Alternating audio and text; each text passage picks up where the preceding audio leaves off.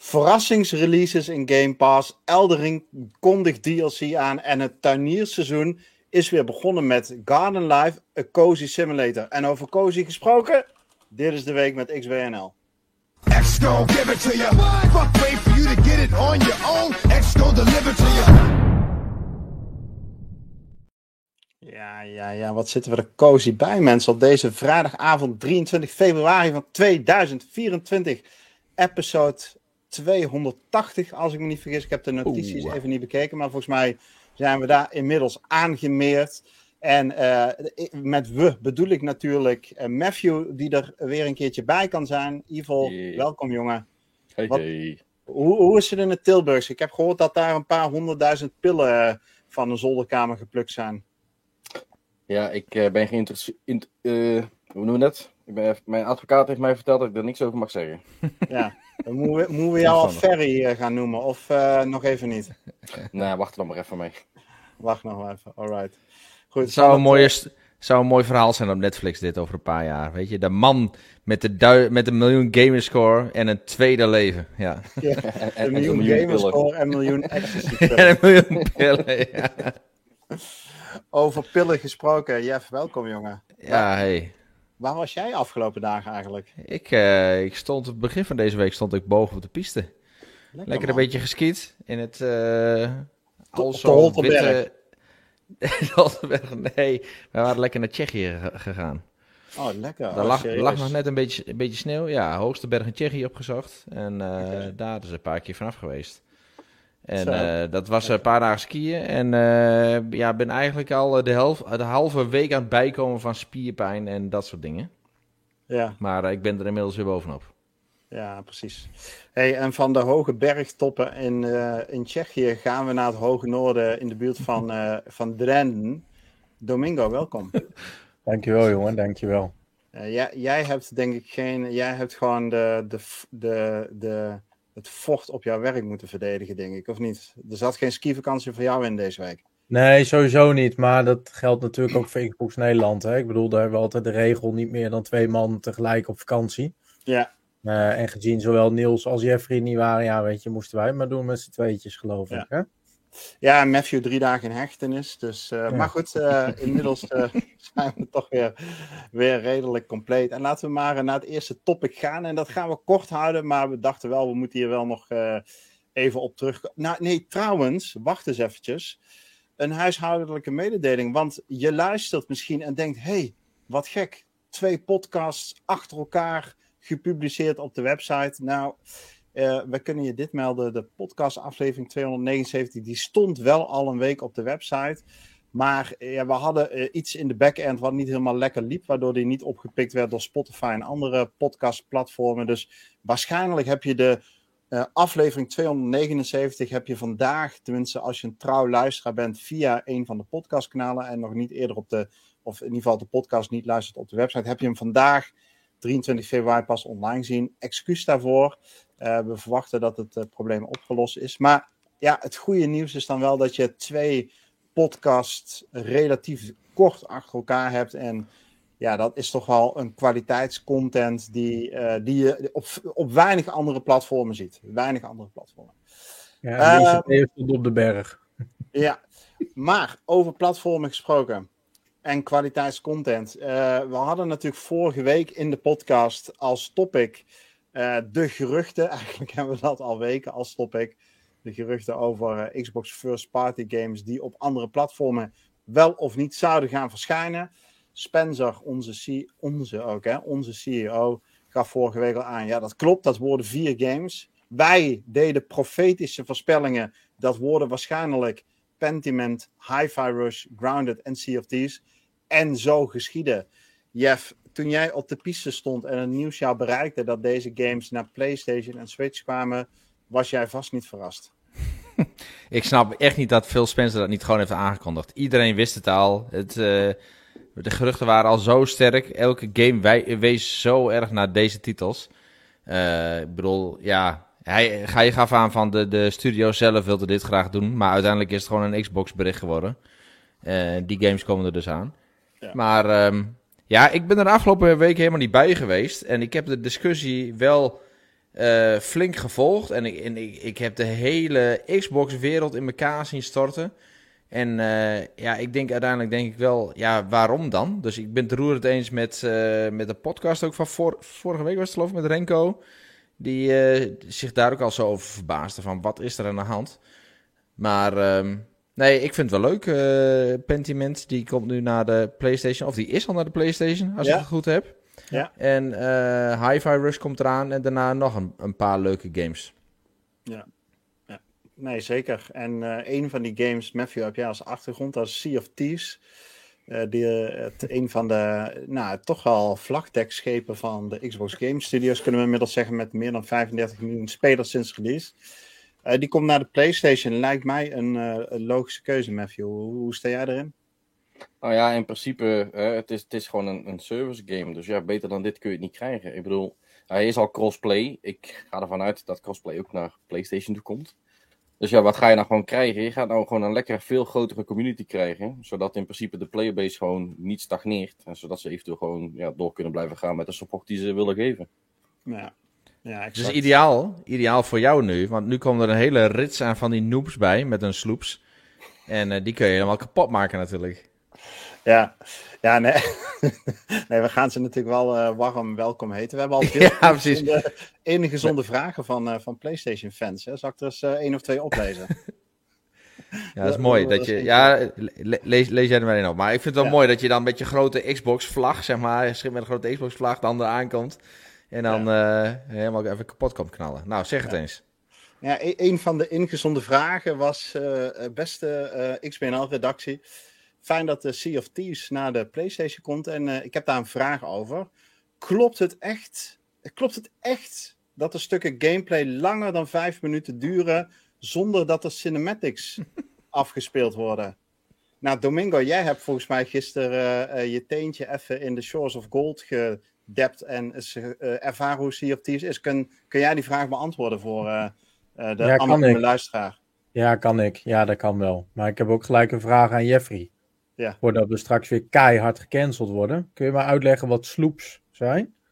Sloep. Sloeps. Sloepen. sloeps. Wat is een sloeps? Sloeps? Een meervoud van sloep. Nee, sloepen. Of sloepjes. Niet sloeps. Sloepen. Nee, sloops. Sloeps. Sloeps? Sloeps. Nee. Ja, nee, jij sloep van Nederland gaat zit. niet. Sloepje, maar sloep is Engels. Zo. S-L-O-O-P-S. Sloeps. Nee, sloepje is een verkleinwoord van sloep. Ja, Sloepje. Ja, maar ik heb meervoud. Zoek even op wat meervoud van sloep is. Sloepen. Sloepen? Sloepen. Ja, Nee, sloepen. sloepen niet. Sloep. Sloepen is heel wat anders. Hey, maar even, even over Sea of Thieves gesproken. Hè? Ik, ik heb wel een verhaal. Is er, is er heel even een, een moment om uit te wijden? Eén minuut?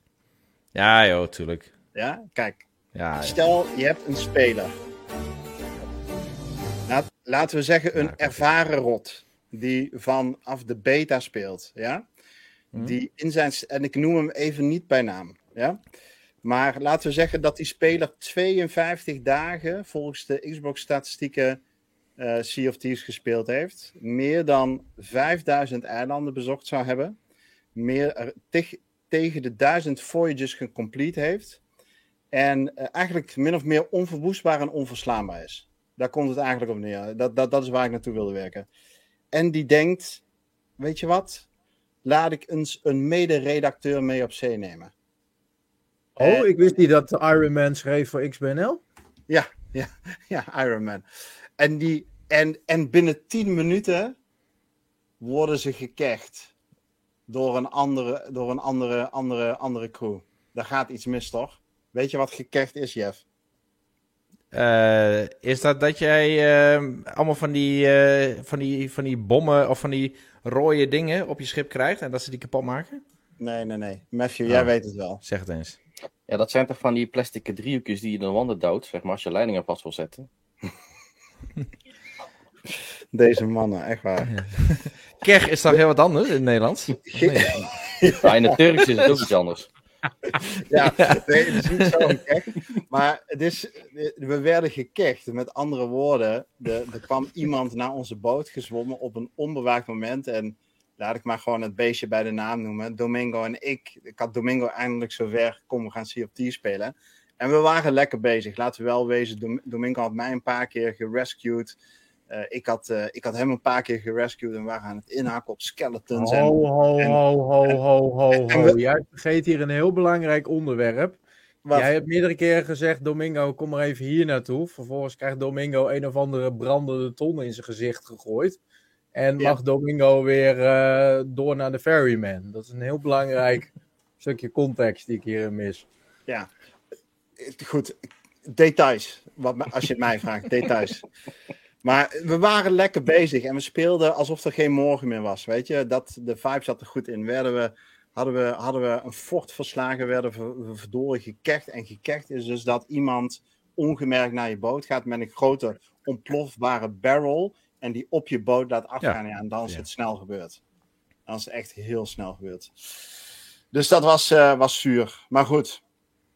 Um, Willen we nog meer Sea of Thieves of zullen we maar gewoon even doorgaan? Nee, maar is die nou afgeknapt of niet, die Domingo? Ik, ja, nou, weet ik niet. Domingo, ben je afgeknapt? Dat is een million dollar question, hè? Nee, ik vond het heel eerlijk. Kijk, ik, ik doe altijd wel alsof ik Sea of Thieves heel slecht vind. Dat vind ik natuurlijk hartstikke uh, helemaal niet. Het is best een vermakelijke game. Voor mij is het niet de GOAT. Uh, maar ik vond het wel heel gezellig, ik. En uh, wat mij betreft uh, zit er nog wel een tweede playdate in. En dan kijken we van daaruit uh, wat eruit komt en of daar een goede relatie tussen jou en mij uit kan, dat het serieus kan worden. Ja, dit, dit, dit, dit komt zo onverwachts. Zo, ja, dat snap ik. Zo, het voel me overrompeld. Maar ja, nee, ik, ik, ga graag op dat aanbod in en la, laten we dat zeker doen. Dus, oh, hey, maar ja goed, even terug naar het topic. Dus die, um, ja, dus die Xbox Game Studio Games, die platform, nou niet platform exclusive waren, maar wel ecosysteem exclusives, die komen dus naar, uh, naar de PlayStation en Switch. Pentiment is al uitgebracht. Hi-Fi Rush en Sea of Thieves en Grounded. Nee, Hi-Fi Rush weet ik niet zeker. Maar Sea ja. of Thieves en Grounded volgen in april. Wanneer komt Hi-Fi Rush? Oh, uh, volgens mij in maart. 19 maart. 19 maart, oké. Okay. Ja. Maar, nee, maar dat is toch leuk dit? Dit uh, ja. zijn prima spellen toch voor hun? Weet je, die ja. games die zijn al jaren uit. Uh, met uitzondering van Hi-Fi Rush dan en Pentiment. Maar dat zijn echt van die kleintjes die je wel prima kunnen. Maar zoals echt die community games, weet je, voor Grounded is het leuk, Obsidian is het leuk, dat ze gewoon weer een nieuwe playbase erbij krijgen. Wij hebben ons ook prima vermaakt met Grounded, uh, maar het is klaar. Ik bedoel, de game is gewoon uit voor ons. Dat ze gewoon weer een nieuwe playbase erbij hebben. Hopelijk dat het ook wel weer een nieuw leven inblaast. Ja. Dat ze toch eens een keer met die DLC gaan komen. Dus dat ze toch uh, uh, ertoe zetten om, daar, om daarmee bezig te gaan. Dat zou mooi zijn. Ja. ja, en voor Sea of Thieves hetzelfde. Ik bedoel, uh, Sea of Thieves is ook al gewoon helemaal klaar voor ons natuurlijk. Dus voor ja. ons als Xbox-spelers geen reet meer aan om te doen. Ik snap ook niet mensen die dit nog doen. Maar voor de PlayStation-spelers weer hartstikke leuk natuurlijk om van voor naar achter op te pakken. Ja, nou, ja, er is nog één iemand die dit niet leuk vindt. Denk ik. Eén partij gaat dit niet leuk vinden. Ik zat van de week eens even die reacties door te lezen. En uh, ja. de reacties waren nu gewoon bijna alleen maar positief. Zowel vanuit het kamp van de PlayStation gamers als vanuit de Xbox community. Mensen die ook zeiden van, oh leuk, kan ik het straks ook met mijn maten misschien gaan spelen. Mm -hmm. Maar ja, er is natuurlijk een ander bedrijf wat recent, en daar gaan we het later ook nog wel denk ik uitgebreid over hebben. Maar die hebben natuurlijk nu ook een piratengame uh, uitgebracht. Die hadden als enige piratengame uh, nu op de PS5, die al niet zo goed liep. Wat een live service game moet worden. En ja, mensen zeggen ook van ja, dat is in ieder geval wel uh, ook gezien die naar de PS5 komt, ook het einde van Skull and Bones. Ja, nou ja, daar hadden ze Thieves denk ik niet voor nodig. Maar dat komt straks wel bij de review sectie. Maar als we een beetje in deze categorie blijven kijken, ik, ik ben het echt helemaal met je eens. En zeker, kijk, van Thieves denk ik, hebben, hebben we denk ik al geprofiteerd van het feit dat die game multiplatform gaat. Want de laatste twee, drie updates van afgelopen uh, nou, zes tot twaalf maanden waren echt al quality of life updates. Waarbij we het ook in de Tavern Talks wel vaker het gevoel hebben gehad van ja dit zijn updates die doe je als je nieuwe spelers erbij gaat krijgen. Uh, hè, dus met name updates op het gebied van toegankelijkheid. En, uh, en ik hoop eigenlijk, net wat jij zegt, Jeff, dat bij Grounded dit ook gaat leiden tot een hele nieuwe stroom ja. aan spelers. Die, waardoor het team mogelijk, mogelijk meer resources krijgt, als ze die niet al voldoende krijgen. En in ieder geval op zijn minst zich weer um, bevestigd voelen in: hey, we moeten hiermee doorgaan, nieuwe content voor uitbrengen. Uh, maar dat brengt me ook een beetje op de volgende vraag. En die gaat eerst naar jou, Matthew. dit zijn nu de eerste vier games. En ik denk dat we wel, hè, hoewel dat niet heel expliciet genoemd is door Spencer, dit is gewoon het startschot van een reeks aan games die komende jaren multiplatform uitgebracht gaan worden. En welke game staat wat jou betreft hoog op een lijstje die wat jou betreft ook wel multiplatform zou mogen uit het Xbox portfolio?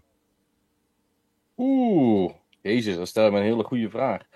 Nou, uh, ik denk dat er eentje is, en die, ze zijn de laatste tijd sowieso wel bezig, uh, en dat is niet zozeer een live service game, maar dat is wel een game waar ze de laatste tijd weer volop mee bezig zijn om dat allemaal weer te updaten en te doen, en dat is uh, Killer Instinct.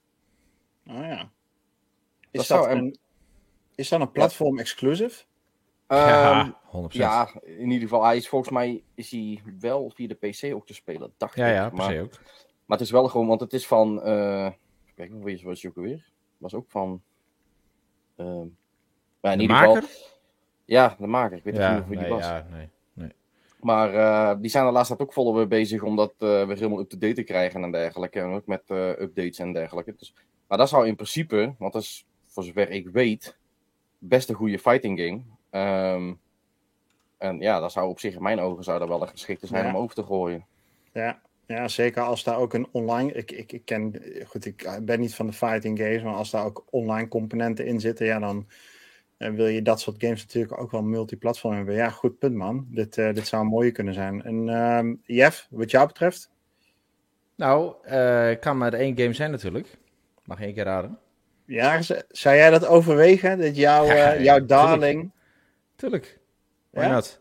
Ja. Forza en, het ja, ja, zeker. En we hebben ook al een filmpje van onze community member Leon. Die heeft het gemaakt. Die Ja. heeft hem op, op Twitter gegooid. Hier, ik zal hem even delen. Kijk of het goed gaat zo. Ja. Hè? Van hoe eh Forza er op de Switch Oh. uitziet. Had, had Dus, ook eh, Borderlands kunnen zijn. Ja, Ja, ja, ja, precies. ja. dus het is zo mooi. Maar goed, hij krijgt nog steeds een 10 natuurlijk dan. Ja, ja. tuurlijk. Maar eh, nee, volgens mij is dit, eh, het is, dit is ook gewoon zo'n community game die zich er prima voor leent. Ja. Ik, ik, zou, ik zou me, wel- ja, als een nieuwe Forza direct multiplat gaat, daar zou ik me niet heel erg prettig bij voelen. Maar eh, dat ze bijvoorbeeld Forza Horizon 5, eh, of misschien de hele serie, gewoon gaan uitbrengen naar meerdere platforms. Ja, waarom niet? Gewoon doen. ja. ja, exact. Ja. En jij, dus dat mag voor mij, ja. Ik kan zo niet echt iets bedenken waarvan ik nog zeg van joh, die mag voor mij er nog wel heen. Ja. Kijk, eh, ik heb natuurlijk ook eh, de, de zegen, eh, dat ik, of dat ik gezegend ben dat ik in ieder geval alle consoles hier heb staan. Dus weet je, exclusives is voor mij niet echt een dingetje. Dus ja, weet je, mij maakt dat niet per se iets uit of zo. Nee. Eh, maar als Forza ooit naar de Switch komt, dan eh, ja, klinkt goed. Maar ik maak me dan wel een beetje zorgen om die laadtijden van 15 minuten per screen.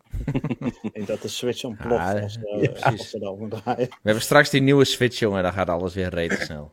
Ja. Maar Ja, is wat voor jou is... eh, Ja, doe maar even. Nee, ik zeg, wat, wat voor jou zou zijn.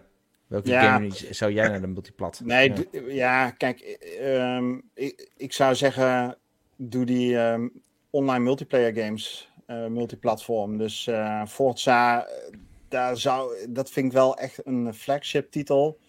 Eh, maar bijvoorbeeld zo'n State of Decay, ehm, om een voorbeeld te noemen, nou, Sea of Thieves, dat vind ik allemaal pri- prima voorbeelden van titels waarvan ik denk op het moment dat je die multiplatform uit gaat brengen, bereik, eh, heb je een groter bereik. Ehm, kunnen de ontwikkelaars hebben waarschijnlijk ook gewoon meer middelen, meer inkomsten om door te blijven ontwikkelen. En daar profiteren wij ook weer van. Weet je, iedere Ja. kopie eh, die verkocht wordt op een ander platform, ja, komt toch op de een of andere manier, hè, vloeit dat terug naar de Xbox. eh, en naar de Xbox community. Dus ik vind het helemaal niet zo'n eh, niet zo'n gek idee. Ehm, ik denk wel, ja, je moet wel een aantal titels houden die de identiteit van Xbox ehm, hebben, soort van bevestigen. Ik weet niet of dat tegenwoordig nog Gears of Halo is, eh, maar bijvoorbeeld een toekomstige Fable zou dat kunnen zijn, of een Elder Scroll, Ja, of een eh, Ja. Starfield eh, in mindere mate. Maar ik denk wel dat je dat soort exclusives nog nodig hebt. Ik- ieder platform heeft dat, Nintendo heeft dat, PlayStation heeft dat, Xbox zou er ook goed aan doen om dat wel zo te houden. Ook al zouden die games dan op andere platformen nog meer verkopen en een grotere playerbase bereiken, je moet ook iets hebben, zeg maar, waarvan eh, ja, wat, wat jou kenmerkt als platform. Ja. En als Ja, anders dan gooi je, Anders gooi je alles te, te, koop weg en dan, dat, dat, is ook niet goed. Nee, en dan, Want dan, dan, maak je dus platform niet meer interessant. Ja, precies. Ja, Goed, maar tweede topic um, heeft ook met Xbox te maken en geruchten die er op dit moment ook spelen. Um, en dan maken we een overstapje van games naar de hardware namelijk. En als we het over hardware hebben, dan hebben we vorige week al gehoord, Domingo, misschien even in een paar zinnen. Wat was nou ook alweer het idee van de holidays 2024? Dat uh, Microsoft in ieder geval nieuwe hardware uh, gaat laten zien. Dus niet releasen, maar wel laten zien. Waarschijnlijk voor volgend jaar. Ja. dus er komt een roadmap. En daar hebben we het vorige week in de podcast ook al wel wat over gehad. Uh, maar, Matthew, um, het gerucht dat deze dagen speelt, is dat in de zomer, deze zomer van 2024, om heel specifiek te zijn, juni of juli, er een Xbox Series X digital only zou uitgebracht worden, een witte editie daarvan. We hebben natuurlijk al de Series S, wat een digital only is. We hebben de Series X, dat is een hè, met, uh, met disc. En dan zou er een digital only moeten uh, komen. Um, ja, hoe schat jij dat gerucht op waarde in? En zou jij dit een mooie toevoeging vinden aan de consoles van de Xbox? Ja, hoe schat ik het qua gerucht in? Uh, ja, op dit moment ben ik heel slecht in het inschatten van geruchten. Dus op dit moment weet ik het gewoon totaal niet ja, of het wel of niet waar of niet moet zijn. Wat ik wel vind is, als het een uh, digital-only console zou moeten zijn, dan, ja, voor mij persoonlijk is het iets waar ik weg van blijf. Ja. Ik bedoel, um, ik, uh, ik, ik, ik, heb, ik heb wel een Series S. En dat heb ik gewoon eigenlijk meer als uh, secundaire console, niet als primaire. En dat is meer voor dingetjes tussendoor. Of als ik eventueel een keer naar iemand anders toe ga. En dat moet allemaal even makkelijk mee. Maar ik, mijn Powerhouse Series X, zeg maar, daar wil ik wel gewoon de optie behouden om daar gewoon lekker een, een cd'tje in te kunnen proppen. Want die heb je nog genoeg. En die wil ik ook gewoon kunnen gebruiken ook. Ja, ja nou, kan ik wel volgen. Uh, Jeff, ik denk aan de rechtbankdocumenten van september vorig jaar. Ja, zeker. Nee, die uh, All Digital die komt er. Die stond op de roadmap en uh, die gaat zeker komen. Die is in ontwikkeling. Sterker nog, het is bijna opvallend dat Phil Spencer vorige week toch heeft aangekondigd dat er een sterkere versie aankomt. Want alles wijst erop dat die All Digital gaat komen. En dat is op zich ook een logische Weet je, past gewoon precies in de strategie ook van Microsoft. Uh, we zijn nog niet klaar met deze console-generatie. We voelen dat er nog veel meer uit te halen valt. Uh, we hebben echt de beelden van uh, Hellblade 2 gezien. Dus dat, dat, dat, als dat mogelijk is, weet je, dan zijn we er nog lang niet. Daar kunnen we nog veel verder doorontwikkelen. En dat het halverwege zo'n generatie toch tijd is voor een, ja, voor een verfrissing. Nou, dat is op zich logisch met zijn all digital. Zou prima passen. Heb je uh, de OG voor mensen die toch een schijfje erin willen proppen. En de Old Digital die eigenlijk hetzelfde performance heeft, maar iets goedkoper. Um, en en uh, misschien iets uh, betere features heeft qua connectivity. Ja. Maar ja, dus het is wel opvallend dat er dan echt een hele nieuwe aankomt. Maar ik denk dat die All Digital nog steeds wel op het programma staat. Dus dat die er nog steeds gaat komen. Ja. En ik, ik, ik verwacht eigenlijk ook dat, hè, dus die, die sterkere, die gaat er straks komen. Dat we gewoon een Series X krijgen. En daarboven, zeg maar nog een segment hoger, een uh, nieuwere console. En ook qua pricing, dat het ook zo gaat, uh, zo gaat spelen. Dus dat ja. die All Digital ook geen 500 meer gaat kosten, maar dat hij daar wel onder gaat zitten met 400 of zo. Ja, ja, het geeft, kijk, ik, ik ben, zoals we het ook wel vaker besproken hebben, ook gewoon uh, wel fan van een disc-versie, uh, vanuit het collectorsprincipe. Uh, maar ik denk dat de keuze wel goed is. Dus ik zou wel, ik weet niet hoe jij daarnaar kijkt, Domingo, maar ik zou er wel voor zijn hoor. Dat, even los van dat ik de geruchten aannemelijk acht, gezien de rechtbankdocumenten die in september per ongeluk gelekt zijn door Microsoft zelf overigens. Um, eh, zou, zou dit wat mij betreft wel een goede zet zijn. Je hebt er eigenlijk een soort van gelaagdheid. Je hebt een instapmodel voor 300, een all-digital model, maar met betere hardware voor 400. En uh, de premium editie met disc voor 500 voor je Blu-ray en voor, je, voor de collectors, mannen en vrouwen onder ons. Um, goeie, zou de goede zet zijn, Domingo, wat jou betreft? Ja, ik denk het wel. Kijk, je, je hebt nu al gezien, hè, mensen hebben de keuze tussen twee consoles. Uh, dat mensen het toch prettig vinden om wat te kiezen te hebben. Uh, je ziet toch vaak dat de Series S ook wel iets is voor En wat meer de gezinnen, waar wat meer kleinere kinderen zijn of waar al een, een andere console staat. Ja, en ik denk dat dit een, een mooie tussenstap is om mensen nog meer keuze te geven. Want ik denk dat ja, niet iedereen per se, en ik denk dat ik daar één van ben, een Series X nodig heeft met een disk. Ja, ja precies. Hey, en ik, ik lees hier in de chat, uh, al digital wordt dan 2 terabyte, denkt Picnic. Nou, dat zou zeker wel welkom zijn. Um, maar, en dat is ook een vraag dan misschien ook aan de chat, maar ook aan jullie. Ik wil wel dat die al digital goedkoper wordt dan de Series X nu. Dus, dat, hè, dus die, die kan weliswaar dan dezelfde specs hebben en misschien meer geheugen. Maar hij moet niet ook 500 euro gaan kosten. Want dan. Nee, precies. Ik, ik zou niet weten. Uh, ja, wie dan. De, ja, wie is dan de, uh, de consument daarvoor? Wie hebben ze dan. Wie targeten ze daar dan mee? Zouden jullie dat een slimme zet vinden als het bijvoorbeeld een uh, Series X All Digital zou worden met 2 terabyte, maar dan wel 500 of 550 euro? Of moet die dan wat jullie betreft wel lager in prijs zijn? Jeff? Nee, wat ik net aangaf, hij moet echt lager zijn. En ik verwacht ook dat de normaal de Series X dan wel een, een, een prijsreductie krijgt. Maar die All Digital die moet in ieder geval goedkoper zijn. Dus ja, uh, ja 400 of zo, 350, iets in die geest. Ja.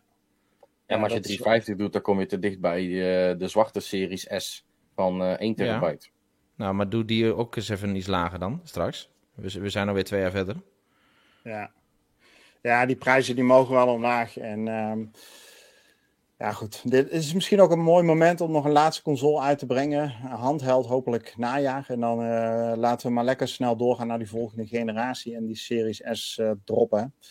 Uh, maar goed, daar hebben we het vorige week over gehad. Ik denk dat we dit topic wel een beetje behandeld hebben hiermee. Uh, nogmaals, mensen, dit is een gerucht. Ehm, maar wat wel past in het beeld van, eh, van scenario's die we eerder voorbij hebben zien komen over roadmaps, interne roadmaps bij Xbox. Dus we gaan het in de gaten houden. En ja, wil je er meer over weten, check dan natuurlijk onze website xboxnederland.nl. Voor nu de hoofdtopics en dan gaan we over naar het nieuws in twee minuten. Oh, sorry. Zal ik mijn hand ook even bij de knoppen doen? Kijk. Is op zich wel handig, hè? Komt-ie! Ik punka no.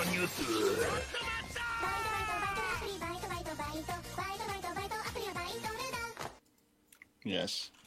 Toch altijd weer een verrassing of eh, die tunes op tijd getimed worden. En over verrassingen gesproken, Domingo. Dead. Island 2. Die zagen we niet aankomen. Vertel even, wat is, uh, wat is het nieuws? Nou, eh, we hebben natuurlijk afgelopen week weer een hele update gehad van games in de Game Pass. En daar zat een mooi overzichtje in. Alleen één game die kwam een dag later na dat overzichtje. En dat was Dead Island. En er was nergens iets van een aankondiging of wat dan ook. Nee, het was gewoon, jongens, hier heb je Dead Island. Hij staat klaar in je Game Pass en veel plezier ermee. En ik denk dat dat wel een hele welkome verrassing is voor de Game Pass. Ja. ja, dit is echt de perfecte game. Ja, toch? Ik bedoel, Jeff, we hebben hem uh, samen gespeeld. Ja, dit is ja, de perfecte Game Pass game. Ja. Nee, je, je, pakt hem op en je staat hem op en je, je joint elkaar en je kunt gewoon knallen. Slashen. Ja, ja precies. Lekker slashen. Alright, over slashen gesproken. En, ja, ik word gecomplimenteerd met de bruggen en we gaan gewoon even door. Uh, ja, want, onvoorstelbaar dit hoor. Uh, ze worden gebouwd waar je bij staat. Ja, ja, echt. Right. Hey, um, mensen, de, de goat der goats. En dan heb ik het natuurlijk over Eldering, waar mijn vestje ook van is.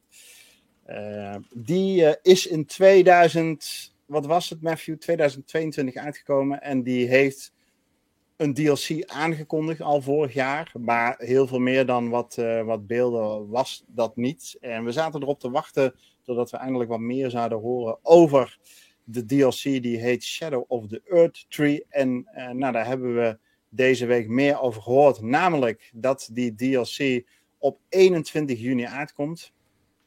Uh, dit jaar, in 2024. Dus hadden ze over, over een paar maanden.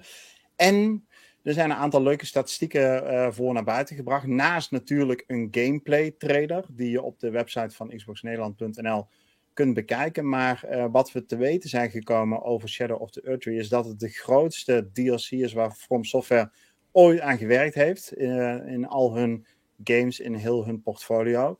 En ja, hoe groot eh, moet je dat dan voorstellen? Het wordt in ieder geval een open wereldgebied. Een, en eigenlijk een nieuwe map waar je naartoe reist. Via de broer van. Nee, de broer van Melania was het, geloof ik. Nou ja, goed. Dat detail heb ik dan weer even niet scherp. Maar, ehm, dus je komt op een nieuwe map. En die wordt groter dan de, eh, het gebied Limgrave. Matthew, jij hebt deze game gecomplete. Eh, kun jij je die gebieden nog een beetje herinneren? Oeh, jezus. Nou ja, het is ook al wel echt een jaar geleden. Ehm, ja, ik kan, ik kan me in mijn gedachten kan ik het wel herinneren, maar... eh, Ja, Li- Limgrave is eigenlijk de area waar, volgens mij waar je start. En eh, dat is echt wel een groot gebied. Daar kun je makkelijk eh, uren aan content in kwijt. En dat is ook precies wat ze met Shadow of the Earth Tree gaan doen. Ze voegen 10 bosses toe. Nou, ze hebben het niet gehad over ehm, eh, hoeveel uur speelplezier je eruit kunt halen. Behalve dat je dus 10 bosses kunt gaan verslaan. 8 nieuwe wapensets kunt gaan vrijspelen. 10 nieuwe builds kunt gaan proberen. Eh, dus ja, dit wordt echt een mega update, mega DLC. En daar ga je ook, daar, zijn de kosten ook naar, eh, daar ga je 40 euro voor neerleggen. En eh, nou ja, mocht je de Collectors Editie willen, succes. Want Matthew, je hebt het geprobeerd, maar bent er niet doorheen gekomen op de website volgens mij. Nee, ja, het is allemaal een beetje. De website lag er eigenlijk zo goed als helemaal uit. Je werd gewoon in een queue gezet om naar de winkel eh, doorgestuurd te worden. Eh, dat duurde al, ja, wat zou het zijn? Ik denk 20 minuten als het niet langer is. En zelfs dan eh, werd je gewoon, ja, hoe noem je dat? On- on- ontvangen met een hoop errors en dat soort dingen. Ja. Dus nee, dat, Ja, het is- het schoot niet op. Dat heeft Bandai echt verkeerd ingeschat. Die hebben gedacht, nou, we gaan dit eh, eh, gewoon zelf in onze shop exclusief aanbieden. Maar hadden vervolgens de servercapaciteit niet op orde. Eh, met als gevolg dat echt niemand er doorheen kwam. Dus ik heb echt niemand gehoord die het vooralsnog wel gelukt is. Maar goed, Ehm, ben je benieuwd naar al die edities? Check even het artikel op onze website. Daar staat uitgelegd met linkje waar je de Collectors Editie zou kunnen kopen als de website het in ieder geval doet. Jeff, is dit voor jou een reden om toch weer eens even een Eldering te duiken? Want je hebt er toch al een goede 5 tot 10 in zitten destijds. Ja, eh, het eh, jeukt wel elke keer. Maar ja, ik, ik weet ook van jullie van hoe zo'n commitment dat is. En ik, ik moet eerlijk zeggen, ik heb het echt geprobeerd met die, met die eh, ja, dit, deze type spellen. Maar ik heb toch wel meer, wat meer moeite om erin te komen hoor. Ik merk dat je gewoon een, best wel een investering moet doen qua tijd en qua ja, deep dive in, in het spel. En dat vind ik toch wel een lastige. Ja. Maar aan de andere kant, ik weet, het is gewoon echt een Game of the Year. En misschien wel een GOAT contender na Sea of Thieves. Dus ja, ja, misschien toch eens een keer proberen. Maar het zit een beetje in dezelfde vibe als The Witcher. Dat is ook gewoon, ja, je moet er gewoon zoveel, je weet, je moet zo'n investering moet je gaan doen. En daar ben ik altijd een beetje, beetje benauwd naar. Ja. Ja, dit zijn van die type games waarbij je een soort van. eh, eh, ja, dan is er wekenlang even geen ruimte voor iets anders. Net, eigenlijk precies. net als Diablo zit je ook helemaal in de, in de boeken. In, hoe beelds bouwen, waar haal ik de spullen vandaan? Er is Eldering geen uitzondering op. Dus eh, ja, dat is, eh daar moet je in zien te komen. En soms lukt dat en soms lukt dat niet. Ja. Ehm, maar soms heb je dan ook dat ontwikkelaars zeggen: Weet je wat, we gooien er een demo tegenaan. Want kun je in ieder geval even kijken of het iets voor je is. en zodoende dachten de ontwikkelaars van Unicorn Overlord, volgens mij is dat Vanillaware, als ik me niet vergis. Matthew, volgens mij dachten die: Weet je wat, twijfelaars, ga met de demo aan de slag. Klopt dat? Dat klopt inderdaad. Eh, ja, ze hebben nou, even kijken, wanneer was dat? Vandaag of gisteren hebben ze de demo uitgebracht. Daar kun je alvast een voorproefje eh, krijgen. Ehm, Unicorn Overlord is een eh, tactical RPG. Ehm, ja, in principe kun je dus nou gewoon gaan spelen. Kun je even kijken, een beetje bekendmaken met de karakters, de vaardigheden die er allemaal ja, te vinden zijn, te zien zijn en te gebruiken. En eh, ja, mocht het zijn dat het allemaal heel goed bevalt, dan heb je ook nog één geluk. Want eh, alles wat je doet, heel je progressie, die mag je lekker meenemen voor als de game uitkomt op eh 8 maart. Ja, en dat is echt al vrij, eh, vrij, snel. Ik vind echt trouwens, deze game ziet er echt gruwelijk mooi uit. Eh, Dus eh, misschien qua gameplay-stijl niet voor iedereen, maar dit doet mij denken aan eh Chained, of, eh, Chained Echoes was het geloof ik, en Octopath Traveler. Ja, dat Octopath type- Traveler, ja. Ik wou net zeggen. daar, Ja, daar je, doet je het merkt wel dat ze de laatste tijd wel eh, steeds meer een beetje in dat eh, type eh, grafische stijl aan het werken zijn met dat soort Ja. games. Ja, nou ja, mooi. Ja, ik, eh, ik hou ervan. Dus, eh, volgens mij is die studio van Octopath Traveler... Is die niet door From Software overgenomen? Heb ik dat... Ja, dat stel je eh, een hele goede vraag. Nou, dat, Geen flauw idee. Ja. dat ga ik nog eens een keer uitzoeken. Ik dacht daar van de week ergens iets... Misschien weet iemand in de chat het, mensen. Klopt dat nou wat ik zeg? Is eh, de studio van Klopt. achter eh, Octopath niet, Traveler? ja. Ja, dus. Maar dat is- zou ook eh, een goede stap zijn, want eh, From Software die, die eh, komt alleen maar met goede games uit natuurlijk. Ja, Dus eh, geef ze maar in die handen inderdaad. ja. Ja, en dan gaan we eens met dat 2D, eh 2.5D genre aan de slag. Met, eh, Ja. met deze studio's tezamen. Dat wordt wel wat. Right, eh, dat zou bijna een paradijs worden. Over paradijs. Sorry, de brug wordt Haha, steeds jongens. slechter. Jeff, eh, ik, ik heb echt geen idee waar de volgende twee minuten nieuws over gaat. Het eh, Welcome to Paradise, dat is denk ik een game. Eh, jouw naam staat erbij. Ik hoop dat jij wel iets daarvan weet. En anders gaat over Jeff Wintersport. ja. Waar Nee, ik hoop het over? ook. Nou, het, het, het ding is, als er een hoofdletter Z in de titel staat, dan weet je dat het om zombies gaat. Dat is een soort van ongeschreven regel, is dat. Dus als je een, een Z in de titel hebt, dan doe je dat met een hoofdletter. Dus eh, deze game heet ook Welcome to Paradise met een Z. En eh, ja, het is een, eh, een co-op zombie slasher, eh, waarin je met elkaar, dus samen met vrienden, eh, door een landschap heen wandelt. En eh, ja, het, het, het, het doet wel een beetje oude Fallout-stijl aan. Want je bent niet, hè, je zit niet als eerste of, of derde persoon erin, maar eh, je speelt het van bovenaf.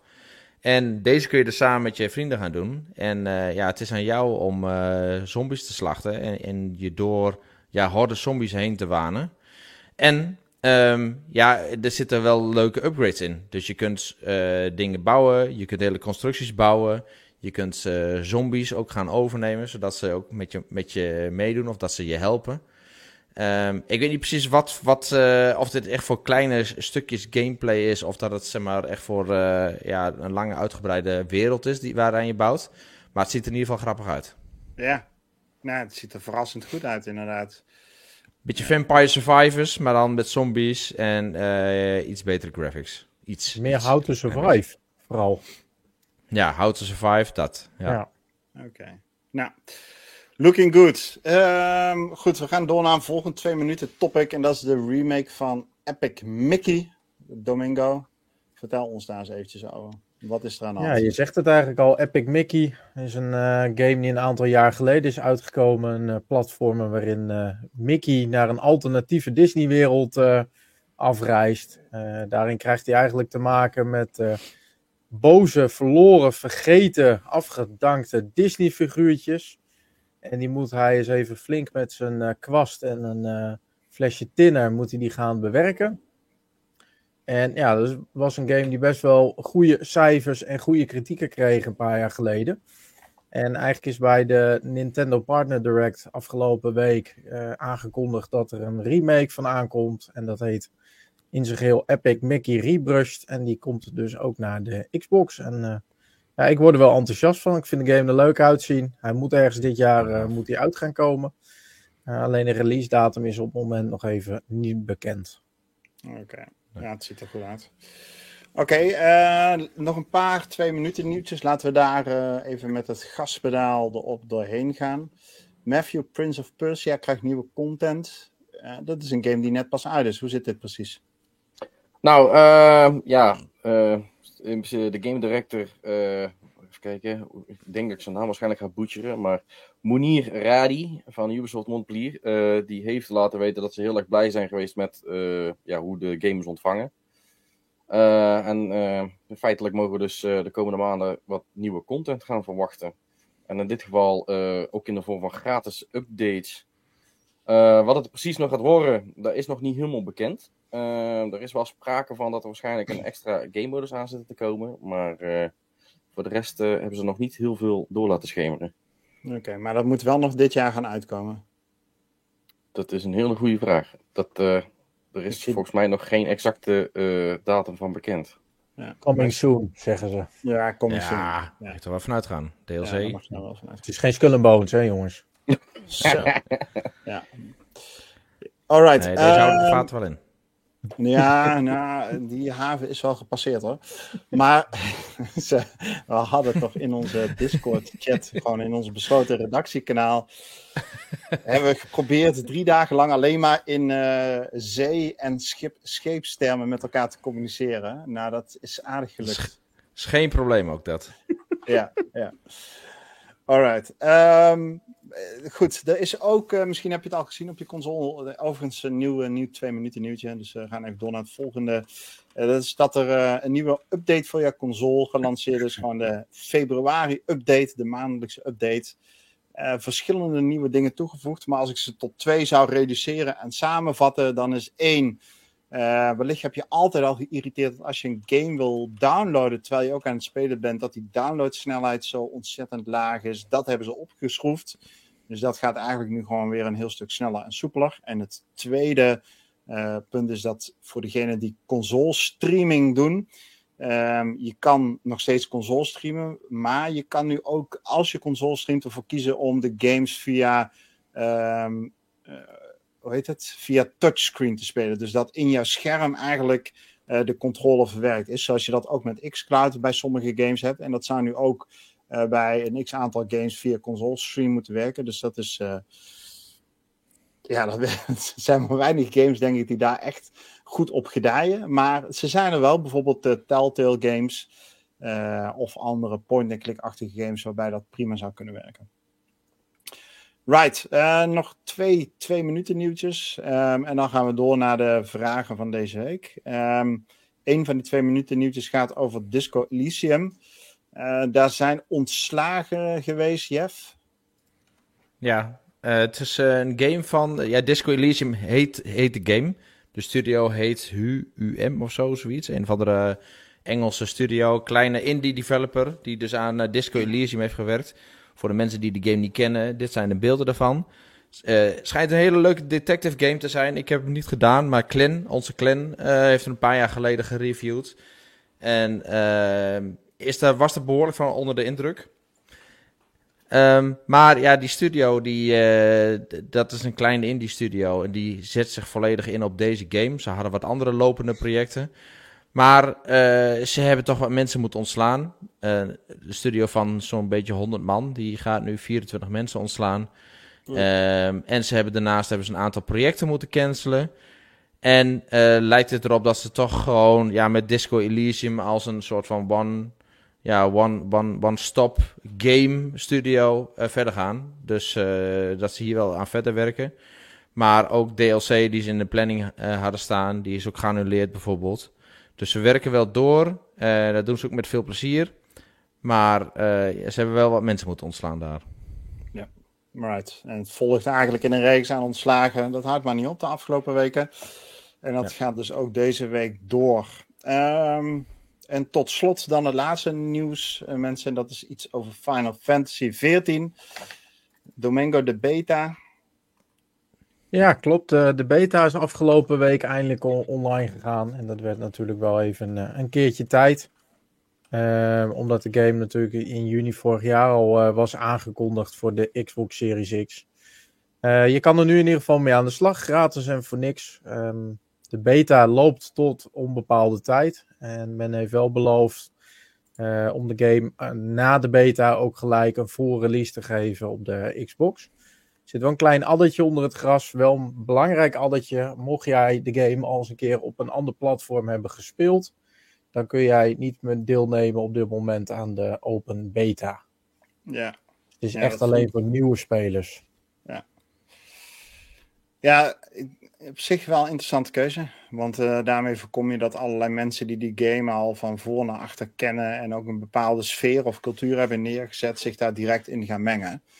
Kan, eh, ik ben wel benieuwd. Ik heb hem wel gedownload, dus, eh, maar nog niet, eh, nog niet aangezet. Ik weet ook niet of het een game voor mij is. Maar ik wil misschien wel even gaan proberen. Matthew, is misschien wat voor jou ook? Of... Nee, dit is voor mij een pas. Ik heb de achievements gezien. Dat, eh, Daar waag ik me eigenlijk niet aan. Nee, alright. Hier kun je ook geen credit mee laten rollen, hè Rick? Dus dat is ook niks voor jou.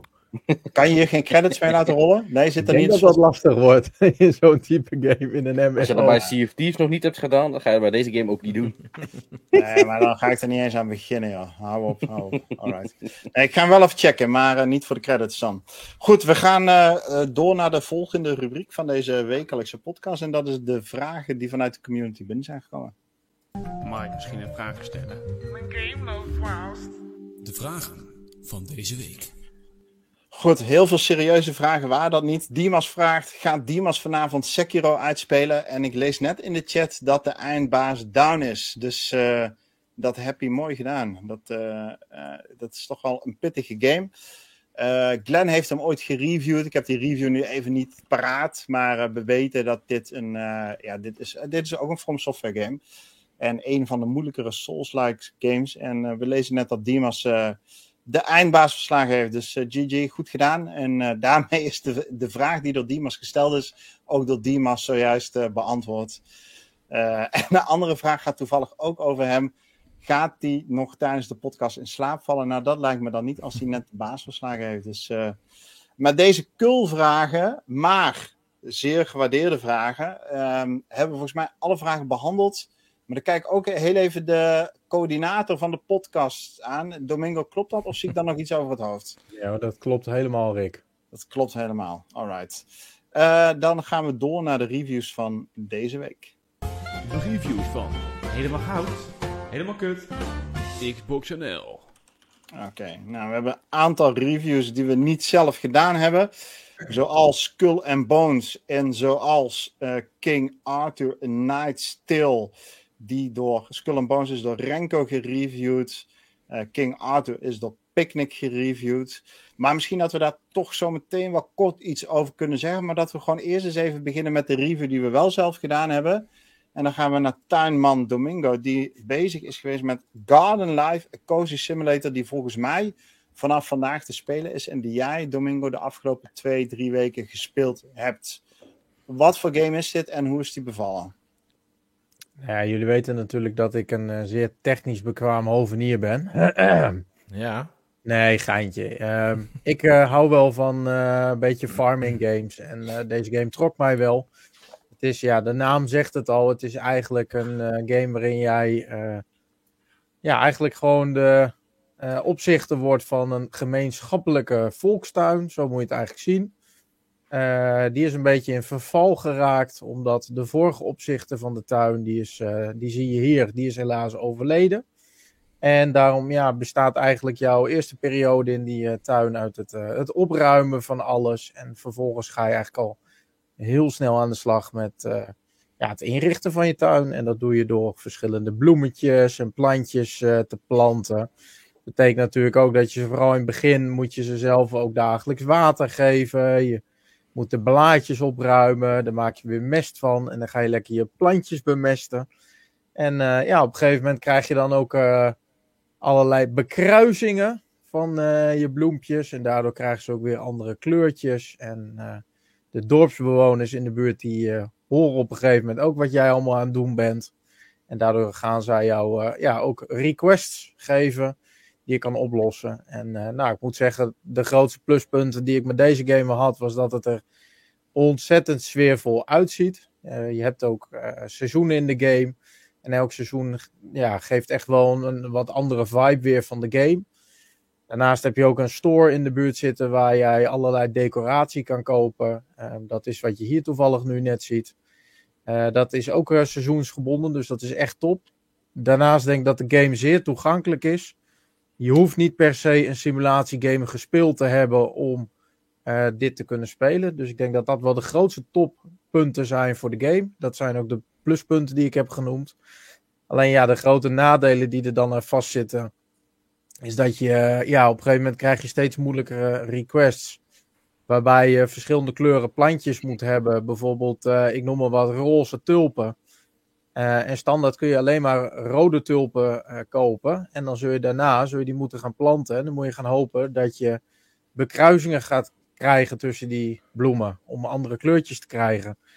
En dat is eh, ja, gewoon compleet random. De game neemt je daarbij helemaal niet mee, mee bij de hand. Daarnaast heeft de game echt een zeer onlogische inventory. Ehm, ik moet zeggen, je hebt heel weinig vakjes voor jezelf om mee te nemen. De rest, wat je niet mee kan nemen, dat gaat automatisch naar je storage. En dan wil je op een gegeven moment vanuit je workbench wil je eh, allerlei items gaan maken. En dan moet je niet denken van, goh, dat kun je even uit je storage halen. Nee, dan is het gewoon je eigen inventory eerst helemaal leegmaken. Vervolgens uit die storage halen en dan weer naar je workbench lopen. En weet je, in het begin heb je nog niet zoveel spulletjes en ook niet zoveel requests. Dus dan is dat niet zo'n probleem. Uh, maar na verloop van tijd, dan uh, gaat dat wel behoorlijk frustreren. Dus uh, ik heb de game daarom ook een, een 6,5 gegeven. Ja, ja dus vooral ongebalanceerd en te grindy op dat vlak. Dus op zich mooie, goede start. Lekker sfeervol, visueel mooi. Maar dan gaandeweg raakt de sleur er een beetje in. Ja, precies. Ja. Jammer, jammer. Want het is toch, ja, voor mijn gevoel toch een beetje wachten op een, het, type game als dit, die er echt mooi uitziet. Hè, um, maar dan ook de goede balans weet te vinden of zo. In uh, het management deel, het farm deel en uh, het eventueel het kunnen bouwen van je huis of het vergroten van je tuin enzovoort. En die sweet spot, ja, die heb ik eigenlijk Die alleen maar. wel, Animal- Wat zei je? Die game is er wel. Nou ja, jij komt met Harvest Moon aan, of niet? Nee, Story of Seasons, A Wonderful Life van vorig jaar. Ah, Story of Seasons. Oké, Ja. dus dat is, dat is de game om erbij te pakken als je dit type games wil spelen. Ja, zeker weten. Zeker te proberen. Stories of Season nog één keer. En hoe heet het? Wonderful Life is wel gelijk een wat uitgebreidere game, maar dan ga je inderdaad, wat jij noemt, ook je huisje uitbreiden. Je kan trouwen, je kan kinderen krijgen, je wordt op een gegeven moment word je zelfs ouder, eh, noem maar op. Ehm, en tip voor jou, je kan de game binnen twee minuten uitspelen, dus voor jou heel erg fijn om eh, voor je credits. Voor de credits. Speelduur twee minuten. Goed. Ehm, laten we doorgaan naar de volgende review. Ik zit erover. De Skull and Bones. Kunnen we die niet gewoon uitstellen? Die review. Een keer of tien. Ervan. Ja, precies. Dat gewoon even, even. Nee, laten we. Weet je, we moeten even door die zure appel heen. En dan, hebben we, dan kunnen we het Skull and Bone, Bones hoofdstuk ook eh, na vandaag sluiten. Eh Skull and Bones werd natuurlijk geplaagd door een eh, ja, ontwikkelingshel, of hoe je het noemen wil. Vele malen uitgesteld, de game van Ubisoft. Maar uiteindelijk dan toch deze week gelanceerd. Voor een schone 80 euro wordt die over de digitale toonbank geslingerd. En de vraag is, is het je knaken waard? En het antwoord daarop is nee, helaas. Renko heeft hem gereviewd. Die zegt daarover, ja, het, het is de, de, ja, hoe moet je dat dan zeggen? Het uithoudingsvermogen van de studio is de, ehm, is de prijzen. Hè? Dus ze, ze hebben volgehouden om hier een game van te maken. En bij vlagen ziet die game er ook mooi uit. En er zitten wel wat leuke elementen in, zoals we hebben bijvoorbeeld bepaalde schepen kunnen enteren en daar dan dingen kunnen plunderen. Maar over het algemeen loopt en werkt deze game gewoon niet goed. Is het ongebalanceerd? Zijn de missies saai? Eh, is het online gedeelte totaal overbodig? Eh, nederzettingen te voet verkennen voegt niks toe. Hij zegt overal is dit gewoon een saaie, lange, grindy game die verre van het spannende piratenleven goed weer weet te geven. En hij heeft dan ook deze game een 5 gegeven. Hij heeft hem echt wel goed geprobeerd eh, te spelen, te reviewen. En de charme ervan in te zien, dat lees ik echt wel terug in zijn review. Maar ja, Ubisoft is daar niet in geslaagd. En ehm, dus ja, dus- geen Dus aanrader. weer, weer zo'n game met zo'n identiteitscrisis, hè? Van, eh, we gaan werken aan een live service game, maar het heeft weer de karakteristieken van een singleplayer game. Het is ook, het is ook afgeleide van een singleplayer game. Want ik denk echt dat als je hier een goed verhaal, dus een goede singleplayer story omheen had zitten. En eh, een soort van character building, maar ook een soort van shipbuilding da daarin door had gezet. Ehm, met mooie animaties, eh, goed verhaal, eh, leuke avonturen die je dan beleeft als piraten. Echt het piratenleven. Dan had je ook even wat anders gehad dan Sea of Thieves. En wat anders dan, ja, ik ga maar met een bootje de hele tijd heen en weer varen. Ja. En, ah, die eh, game was ja, er, dat, hè? dat mist het nu echt. Die heet Assassin's Creed Black Flag. En dat is. Eh, denk ik ook de reden dat het aantal spelers eh, van eh, Black Flag sinds de release van Skull and Bones weer met 40% is gestegen. Ja. ja, je kunt beter die game gaan doen. Ja. Ja. Ja. Ja, nee, maar dat, dat is het ook. Mensen gaan wel van. Hè, er is dus wel gewoon een soort van animo voor dit type games. Eh, want die, inderdaad, die, die percentages van Black Flag die schieten omhoog. En dat komt, denk ik, doordat mensen wel een soort van nostalgisch gevoel hebben bij het zien van die Skull and Bones beelden. Maar niet overtuigd zijn om deze dan te gaan spelen. En Black Flag wel nog in de kast hebben liggen. Of voor 2 euro of zo, weet ik veel waar vandaan kunnen plukken. En eh, ja, dan maar die game gaan spelen. Maar ja, het is jammer man. Deze game, eh, ik, ik had het ze wel gegund. Ik had het ook wel leuk gevonden. Een tweede piratengame erbij, die misschien een beetje eh, competitie zou kunnen leveren aan Sea of Thieves.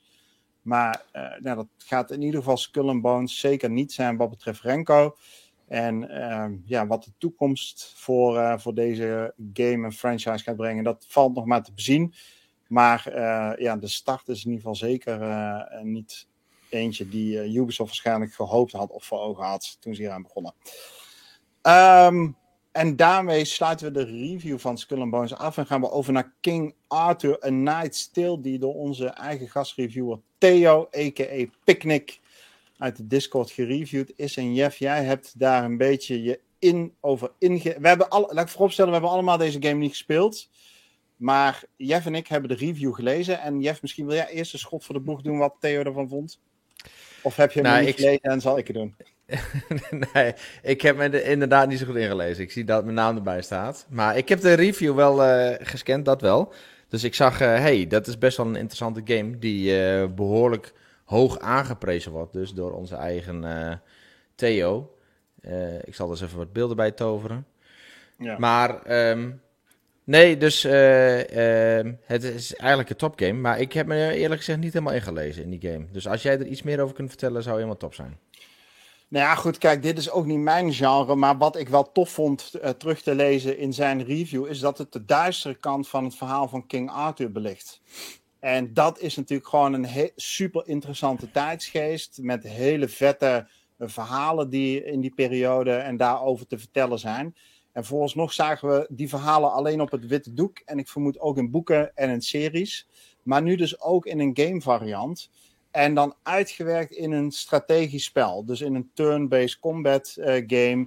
Waarin je troepen aanstuurt en eh, ja, veldslagen gaat voorbereiden. En dat heeft deze studio, die eraan gewerkt heeft, echt wel heel erg goed gedaan. Picnic was daar in ieder geval van onder de indruk. En het is toch een speler die heel veel van dit type games speelt. Die ook eigenlijk standaard eh, al dit type games voor onze eh, website wel altijd wel bereid is om te reviewen. En er zijn veel games die dan niet zo goed uit de verf komen, maar deze komt met een 8,5 echt heel goed uit de verf. En dat komt onder andere doordat het verhaal ijzersterk is. Dat komt ook door dat eh, de, de sidequests hebben iets persoonlijks. Die voegen ook echt iets toe. Nou, dat zie je natuurlijk ook niet in, eh, in veel games. Dat, soms zijn sidequests toch een soort van, van fillers. Maar dat is hier in deze game totaal niet. Die leveren echt een bijdrage aan het grotere geheel en aan, aan de verhaalvertelling. En grafisch, zegt hij, ziet het er gewoon prima uit. Nou, en dat in combinatie met turn-based eh, gameplay die lekker werkt, dan is dat dus gewoon een, een succesverhaal. En ja, mocht je de game willen spelen, hij is volgens ja, hij is ook al te koop en beschikbaar. Of anders rondom deze dagen, in ieder geval eh, te spelen op de Xbox. Dus eh, go for it als je hier geïnteresseerd in bent. Ja, ik zie als, als pluspunt zie. Als pluspunt zie ik staan dat ook Sir Mordred erin zit. Maar eh, ik, ik weet niet zozeer wat dat is. Dat staat er echt expliciet als een pluspunt bij. Ja. Staat een of andere mythische figuur dan of zo? Ja, ik dacht, ik skip dat omdat ik niet kan uitleggen wat het is, maar jij haalt er dan toch aan. ja, Picnic, leg ons even uit wat dat is. Pi- Picnic zit in de chat, dus die kan het wel even uitleggen natuurlijk. Ja. Waarom is dat een pluspunt? Ja, het zal, het, het De, is in de, ieder geval de zoon van King. Oké. Oké, nou right. Oké, ik zie trouwens geen chat meer voorbij komen hoor, dus misschien dat er iets... eh, aan- oh, hier, oké. Nee, de helft is in slaap gevallen. Ja, Ja. precies. Mensen, hou vol. We zijn er bijna. Ehm, want we hebben nog één review te bespreken. En dan gaan we over naar wat we zelf gespeeld hebben deze week. En de review die we nog gaan bespreken is Dream Night Valley A Rift in Time. Die door Niels is gereviewd. En Matthew, jij kan daar van alles over vertellen. Want jij bent natuurlijk gewoon eh, nummer 1 fan van alle Disney characters. Ja, ja, ja, ja. ja. Ja, ik ben een heel grote fan van Disney. Dus, Ja, echt. nee, ehm, ja, ik, ik, kijk, Niels heeft een dag gereviewd. Ik hem zelf heb ik eh, heel Disney Dreamlight eh, niet gespeeld. Eh, maar laten we, met, laten we met de deur in huis vallen. Hij geeft het een 6,5. Ehm, de reden waarom is, het is gewoon een grindfest. Gewoon simpelweg te veel grinden en te weinig vernieuwing. Schijnbaar zitten er wel mooie nieuwe gebieden in. Ook nieuwe karakters die je kunt vrijspelen. Zoals, neem, noem bijvoorbeeld een Gaston, een Rapunzel, een eh E van Wally. Eh, maar ehm, zoals Niels het beschrijft in de review is het ook zo. Zodra je begint, word je eigenlijk gewoon al overspoeld met nieuwe content. Het is... ehm, je moet ook opnieuw beginnen. Je wordt, eh, je wordt naar een nieuw gebied toegebracht waar je eigenlijk vanaf nul begint. Dus als jij in je bestaande game al veel hebt gedaan, in deze wereld begin je gewoon weer opnieuw. En mensen die wel bekend zijn met de game, die weten gewoon dat als je opnieuw begint, dat het gewoon heel veel tijd kost om weer verder te komen. Ja. Ehm, nou is het dus ook zo, eh, zoals Niels dat beschrijft, is je moet ook weer gewoon grinden om nieuwe gebieden vrij te spelen. En dat wordt dus wel beschreven als een nadeel, omdat ja, ja, het kost je gewoon ontierlijk veel tijd om weer een beetje verder te komen, om toch weer net iets wat meer te kunnen doen. Ehm, tevens haalt hij ook eigenlijk de prijs, eh, het prijskaartje aan, want eh, deze uitbreiding kost 30 euro. En eh, zoals Niels dat ook zegt, dat is ook gewoon de prijs van de base game zelf. Alleen is deze content niet zo groot als dat de base game is. Ja. Dus feitelijk krijg je best wel een, eh, ja, hoe noemen we dat? Een overprijsd DLC op je kiezer gegooid. Waar je dus schijnbaar veel te veel moet grinden. eh, ja, om, om verder te komen. En zoals het ook zegt, als je, als je Dreamlight Valley echt helemaal geweldig en relaxend vindt. Dan zegt hij ook van ja, deze kun je gewoon 100% gewoon gegarandeerd kopen. Hè? Dan heb je daar gewoon heel veel plezier aan. Dan ga je dat leuk vinden. Maar eh, als je een van de mensen bent die Dream, eh, Dreamlight Valley al aan de kant heeft gelegd, dan eh, moet je dat zeker niet doen. Ja, er zit gewoon weer 100 uur meer van hetzelfde. Van een game die ooit free-to-play zou moeten gaan worden. Ja. Maar je nu dus gewoon je volgende 30 euro mag gaan neerleggen. Ik vind dat wel misleidend hoor, hoe deze studio dat heeft aangepakt. Hebben jullie, Ja. dat, hebben jullie niet er toch een soort van vind- bittere... Hoe leuk deze game ook kan zijn, hè, laat dat vooropstellen. Nou, echt wel kwaliteit biedt. En deze DLC, nou ja, weet je, het is grindy. En daardoor krijgt hij een relatief laag cijfer. Maar de kwaliteit is er wel, tot op zekere hoogte. Maar ik vind het toch een beetje misleidend, man. Dat je eh, zegt van, nou, we doen dit in early access. En we vragen eigenlijk degene die onze, onze rug dekken eh 30 euro. En dan mogen jullie hem over een paar maanden free-to-play op al je devices spelen. Eh, we zijn twee jaar verder. Waar is die belofte? Die is niet ingelost, toch? Domingo, klopt dat of zie ik iets over het hoofd? Ja, dat klopt. Ja, we hebben het hier, geloof ik, toen dat bekend werd, ook eh, uitgebreid over gehad in onze podcast. Ik ben het met je eens, zeker is het misleidend. Ik vind persoonlijk dat als je zegt dat je iets gratis gaat maken, dat, dat je je daar ook aan moet houden. Ehm, van de andere kant denk ik ook van, joh, en wij dat zelf als spelers slash fans dan ook niet een beetje in eigen hand. Ik bedoel, wij bepalen wel of wij die DLC gaan kopen of niet voor 30 euro. En als wij dat massaal niet gaan doen, ja, dan gaat zo'n developer daar natuurlijk ook gewoon verlies op maken. Ja. En wellicht eens even achter de oren krabben van, joh, kon het wel wat we hebben gedaan. Maar ik ben bang dat de community en de echte fans hierachter daar niet zo over denken en dit gewoon klakloos aanschaffen. Ja, maar misschien moeten wij dan gewoon even als XBNL een bold statement maken voor al onze 221.000 podcastluisteraars die wekelijks intunen. XBNL bij deze geeft het advies: koop het niet. Punt. Nou, dat zal ze leren, dit. Dat zal ze leren daar bij Ja, Disney. En nou zullen ze zich achter Ja. de oortjes krabben. Morgen dikke wraakactie op de account van Niels. Die is gelijk 130 uur aan gameplay kwijt. Ja. Compleet account ge- gewist. Maar ja, hey, daar hebben wij geen last van. Hè? Vragen Ja, mogen wel vreemd, hoor. worden naar jeffrey.xboxnederland.nl. Ja. hey, ho ho, dat is mijn echte e-mailadres. Oh shit. ja. Ik denk, ja, ik vind- ik- achternaam erbij. Nee, precies. Ik vind het wel een, een, een vreemd verhaal dit hoor. Want het begon als zo'n goede game. Ja. Ehm, hij kreeg hoge cijfers. Hij werd echt lof geprezen. Maar daarna begon die grind begon te komen. En dit hele verhaal, communicatie niet helemaal lekker. Eh, ja, de cash cow, eh, of hoe dat? cash grab. Ja, dat is, dat is allemaal niet heel erg fantastisch hoor. Dit hadden ze echt veel beter kunnen aanpakken. Met Ja. hetzelfde resultaat, maar gewoon betere communicatie bijvoorbeeld. Ja, Geen lof voor Gameloft. Geen Nee, lof geen voor Gameloft. Gameloft. Goed, maar wel lof voor diegene die binnen nu en vijf seconden handen aan de knoppen heeft om onze laatste rubriek in te leiden. En dat is namelijk wat wij zelf afgelopen week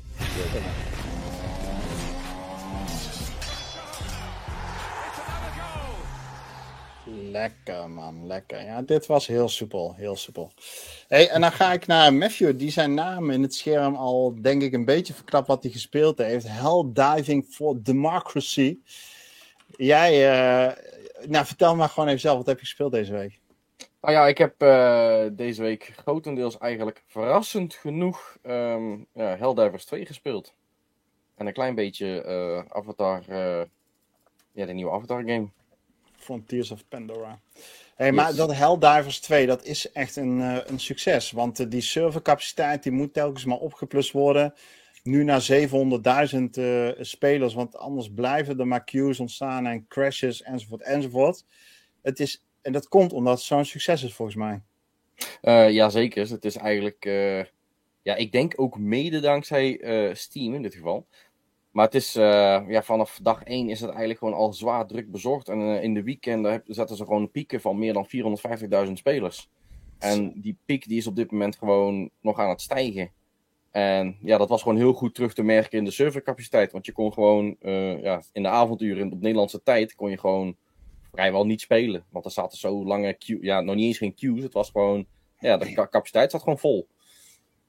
Dus Ja. dan, dan moest je het er maar mee doen. Maar eh, ja, deze game is gewoon, ja, hoe moet ik het zeggen? Het is gewoon onwijs leuk om het gewoon met een paar mensen te spelen. Om er gewoon lekker of robots af te knallen. Of gewoon grote insecten gewoon af te knallen. Grote bommen neer te knallen. Van je, eh, je teammaten eh, tering te schieten. In een paar zinnen, Oh, maar wat- oh. is het een soort van extractiegame? Of wat?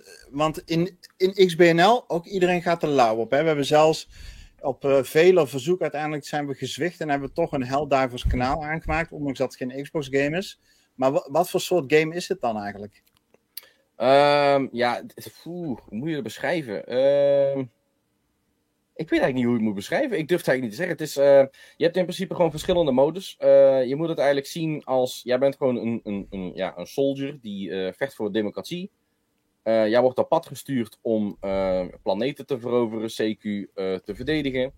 Ehm, ja, planeten worden aangevallen door, of door insecten, of in dit geval door automatons, door vijandelijke robots. En ja, jouw taak is gewoon om het allemaal terug in handen te krijgen, om jouw vlaggetjes te plaatsen. En de game is gewoon opgesplitst in meerdere type missies die je hebt. Daar kun je praten over ehm, een, een, een missie waar je bijvoorbeeld bepaalde nests moet, uit, moet hoe noem je het, vernietigen. Een missie waar je robots eh, moet verdedigen voor robots. Eh, waar je bijvoorbeeld eh Zendmaster moet activeren. Dus er zit wel wat variatie in. Alleen het komt er eigenlijk op neer dat het een relatief simpele gameplay loop is. Ehm, je selecteert een missie, je dropt erin met 1 tot en met 4 mensen. Je doet je missie, je doet je side missies. En ben, je, je klaar, dan ga je terug naar je extraction. En dan ga je ervoor zorgen dat je gewoon weer als een wiede weer vertrekt. Maar wat maakt het zo goed dan? Dat zijn gewoon de mechanics of zo. Want zoals je nu omschrijft, zou je bijna elke grindy game kunnen omschrijven. Juist. Ja, en het, het is gewoon, het, het is heel, het is, het is raar. Het, het, is moeilijk te omschrijven. Want ik dacht in eerste instantie ook van, ja, dit is gewoon helemaal niks voor mij. Van, dit ga ik gewoon niet spelen. Na één of twee missies dacht ik ook van, ja, dit is gewoon veel te eentonig. Ehm, maar ja, ik weet niet, het, het, het loopt gewoon goed. Het is gewoon, er zijn vrijwel geen problemen te vinden. Ehm, het is lekker lomp. Ik bedoel, je wordt af en toe door grote groepen aangevallen. Je kunt echt gewoon zwaar grote bommen neergooien. Dus je hebt gewoon echt op een gegeven moment gewoon keivel explosies om je heen. Matthew, mag ik Ehm, je even pauzeren? Jij bent op borgtocht vrij, dus ik zou dit soort uitspraken niet doen. Nou ja, sorry, ik, eh, ik zal mijn mond houden. Nee, ehm nou ja, weet je, deze kijk, we zijn in Nederland, hè, wij zijn hier ook gewoon een democratie. En eh, ja, waar vechten we in de game voor? Voor democratie. Dat is gewoon het belangrijkste aspect die er is. Alles Ja. voor de democratie. Maar het doet me een beetje denken aan echt die goede ouderwetse 360-era. dat je gewoon simpele PvE, lekker knallen met elkaar, een half uur, hoge testosteron en dan weer even, even verzamelen, loot erbij pakken en weer door naar het volgende level. Is dat ook een beetje de loop, zeg maar, zoals ik hem voor me moet zien? Of... Eh, ja, zo zou je het in principe wel kunnen zien. Ik bedoel, je, je dropt gewoon een missie. Je hebt, ja, wat zou het zijn? Zeg eventjes eh, drie kwartier voor de gein om echt alle missies te doen. In die drie kwartier tijd moet je zorgen dat je weer weg bent. Dus het is gewoon erin gaan, knallen en wegwezen. Dus eigenlijk is het gewoon DMZ van Call of Duty. Eh, nou ja, het is gelukkig geen Battle Royale. Nee, Nou, het zou leuk zijn als DMZ deze game ook naar de-.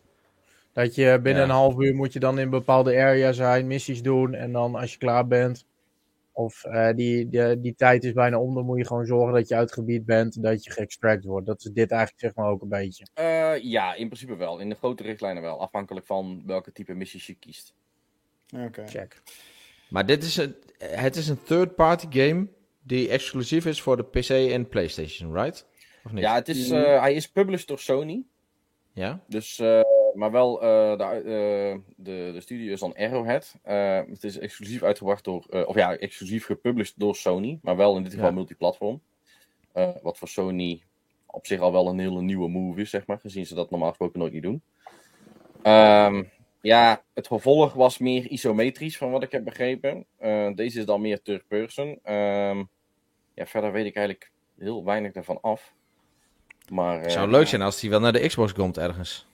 Het zou wel echt een goede fit zijn. Het zou, nou, het zou bijvoorbeeld voor Game Pass zou het echt gewoon een zwaar goede Ja. eh, toevoeging Ja. zijn. En deze game heeft ook, eh, ja, hoe moet ik dat zeggen? Het, het werkt ook gewoon met een Battle Pass. eh, ook met een gratis Battle Pass. Dus je hoeft de, de premium niet te kopen. Je kunt met de gratis kun je genoeg currency verdienen om de premium Battle Pass vrij te spelen. Ehm, je hebt ook een superstore waarbij je cosmetics kunt kopen die ook eventueel bepaalde buffs hebben. Maar die zijn ook gewoon heel goed netjes geprijsd. Dus dan eh, niet, niet zoals die eh 30, 40 euro was- die ze bij Diablo 4 vragen voor drie portal kleurtjes. Ja.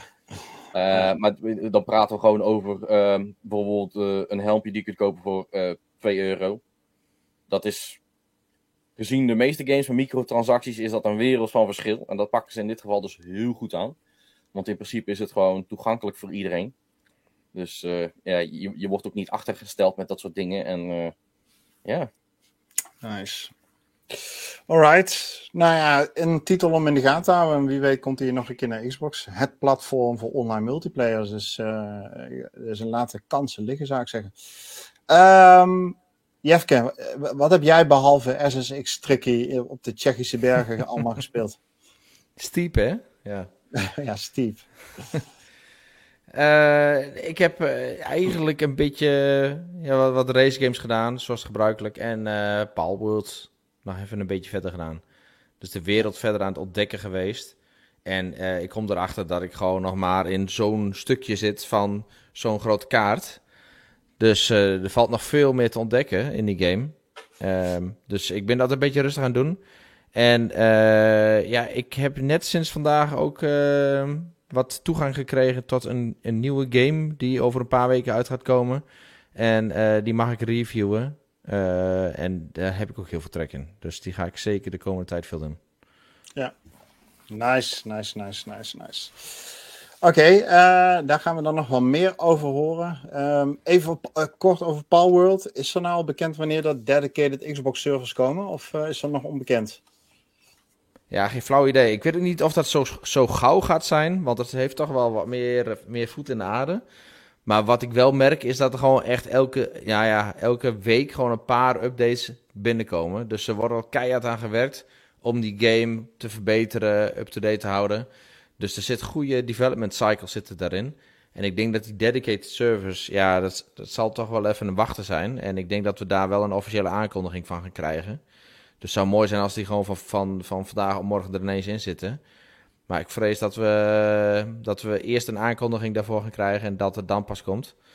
Eh, het zou mooi zijn, maar ja, ik, ik vermaak me tot nu toe vermaak ik er ook prima mee hoor. Dus eh, Ja. door gewoon single player te doen of door bij een ander in te hoppen, dat is eh, geen probleem. Werkt prima. Ja. Check. Eh Do, eh, wat heb jij gespeeld? Eigenlijk heel veel en toch ook wel weer weinig. Nou, noem er eens een. Dat klinkt heel raar, maar eh, ik eh, ja, heb eigenlijk een soort van gaming blok op dit moment. Ik, eh, ja, ik mis toch wel een beetje grote, goede releases vergeleken met vorig jaar. Hè, waar hebben natuurlijk in januari begonnen met een Dead Space. En in februari met Hogwarts Legacy. En in maart met Resident Evil 4. Ehm, Dus ja, ik, ik blijf een beetje bij het gebruikelijke hangen op dit moment. FC24 en nou ja, wat, wat Rocket League. Ja, en dan ga je uit verveling iemand maar een beetje blij maken door met diegene maar eens een keer Sea of Thieves te doen natuurlijk. Ehm, ja, en van de rest speel ik eigenlijk niet zoveel. Ja, ik heb afgelopen week Golden Sun 1 weer eindelijk uitgespeeld op de Switch. En eh, dat is wel een game waar ik nog steeds heel veel eh, plezier uithaal. Eh, ik zie Frequent Skippy hier schrijven, speel Elden Ring. Die heb ik ooit gespeeld, daar heb ik ongeveer 7 uur in zitten. Waarvan ik 5 uur lang een of ander riedeltje heb gespeeld. Waarbij ik eh, wegrende voor een rots en die ontweek om extra XP te krijgen. Om sterk genoeg te worden om de eerste bos te verslaan. Dus dat verklaart wel een beetje wat mijn relatie is met. Rick weet Ik weet precies welke berg je bedoelt overigens. ja, Dus eh, nee, ik, eh, ik, ik heb nu toevallig wel een, een code ingevuld voor Golden Sun 2. Eh, dan denk je misschien hoe zo'n co- een code. Vroeger toen je nog geen wifi had in het Game Boy Advance tijdperk, dan kon je eh, save games kon je overbrengen. Dan kon je doen door twee Game Boy Advances bij je te hebben en die aan een kabeltje te verbinden. Of je kon dat doen door codes in te voeren. En eh, dat eh, waren dan codes, dat had je dan in de gradaties brons, zilver en goud. En bij goud krijg je dan de meeste items. En eigenlijk alles wat je maar mee wil hebben, dat krijg je dan mee. Eh, dus ik heb eh, vanuit Reddit heb ik een eh, code meegekregen. En dat is, even voor je beeldvorming, is dan zeven pagina's vol. Met, Ja, even kijken, 60 verschillende codes. Dus ik ben even 30 minuten bezig geweest om die in te voeren. Maar dan begin ik wel straks in mijn nieuwe game gelijk op level 55. Dus ik, ga Golden Sun 2 eh, binnenkort weer lekker oppakken. lekker man. Nice. Oké, ehm, ja, ik, eh, wat, wat ik gespeeld heb kun je op de website lezen, want ik heb vooral acht, of, eh, games gespeeld waarover ik ook Ja. credit artikelen geschreven heb. En dan moet je denken aan, ik, nou, ik heb met de Logitech G Cloud had ik een test gedaan. Hoeveel games kan ik uitspelen op één batterij? En ehm, dat waren er meer, meer dan ik had gedacht. En dat artikel, dat, dat komt nog. Maar om er in ieder geval eentje te noemen waar ik weer even ingedoken ben, was eh Mission van eh, The Walking Dead. Ja, dat is toch wel...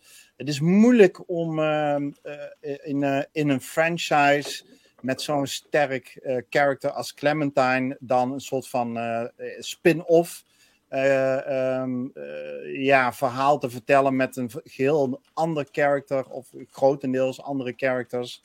En dat is gewoon een hele gewaagde zet en dat is heel goed gelukt. Mission is ook echt een top character.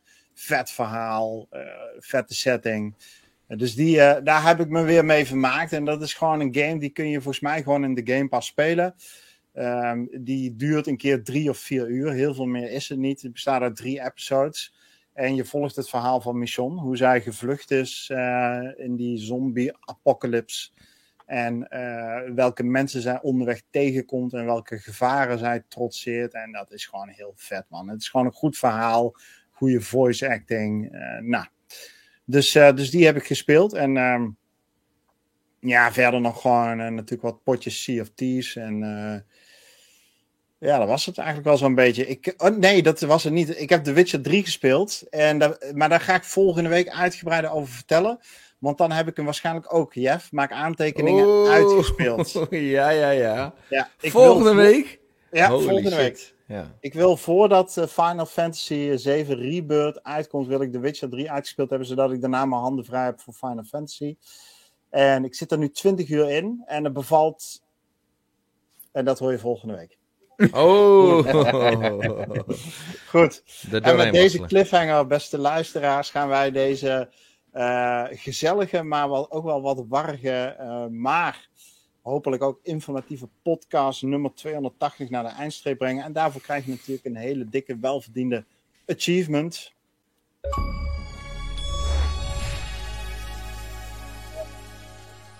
Voor heb je op deze avond of ochtend of middag of nacht, wanneer je zomaar op je maandlijst erbij gekregen. Voor nu mensen, podcast 280 van 23 februari 2024 ronden we af. Namens Matthew, Jeff, Domingo en mijzelf wensen we jullie een hele fijne week. Veel gameplezier. En we zien jullie volgende week weer op twitch.tv slash Xbox Nederland. Later. Hoi hoi. Doei.